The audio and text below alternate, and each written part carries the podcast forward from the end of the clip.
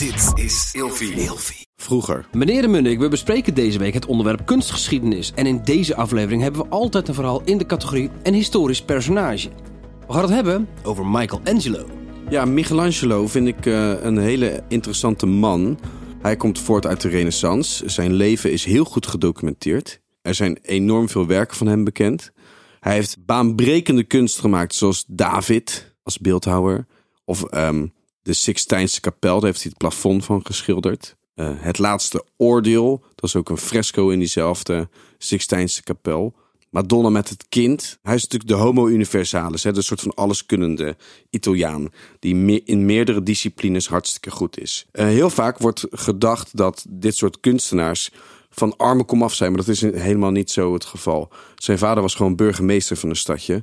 En die wilde eigenlijk totaal niet dat hij de kunsten ja, inging. Het kunstenaars verdienen eigenlijk nooit geld, toch? Nee, dat klopt. denken we altijd Nee, al. dat, dat, hebben we altijd, dat idee hebben we altijd gedacht. Al vanaf ze- zes tot ja, zevenjarige leeftijd maakte hij zulke mooie schetsen. Dat hij dus, ja, ze konden eigenlijk niet meer om zijn talent heen.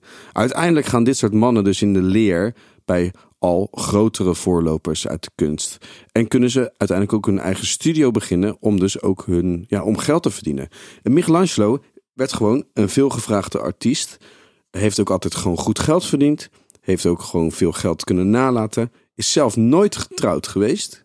En ze vermoeden ook dat hij op, op mannen viel. Vandaar dat hij altijd mannelijke lichamen ja, aanbad, zeg maar. En dat hij daarom bijvoorbeeld David ook zo mooi heeft gemaakt. Hij kwam eigenlijk best wel in opspraak toen hij de Sixtijnse kapel, het plafond daarvan ging schilderen. Want hij had heel veel afbeeldingen, had hij een beetje pornografisch gemaakt. En toen dus de kerk kwam controleren hoe het ging, zagen ze veel te veel mensen die met ja, ontblote edele delen en handelingen die helemaal niet konden volgens de kerk. En dat was eigenlijk gewoon een hele grote fuck you van Michelangelo naar de kerk. Maar dat was toch wel normaal in die tijd? Om mensen naakt... Ja, maar zeker niet toch in de katholieke kerk. Nee? Nee, nee. En dat vind ik dus mooi aan Michelangelo. Dat het gewoon een enorme kunstenaar is, maar ook met zijn eigen normen en waarden. En durft in opstand te komen af en toe stiekem tegen de kerk. En hij is ook een beetje de start geweest, toch? Voor een bepaald kunstperiode. Ja, hij, nou, hij is gewoon een van de grote uit de renaissance. Tot morgen. Vroeger.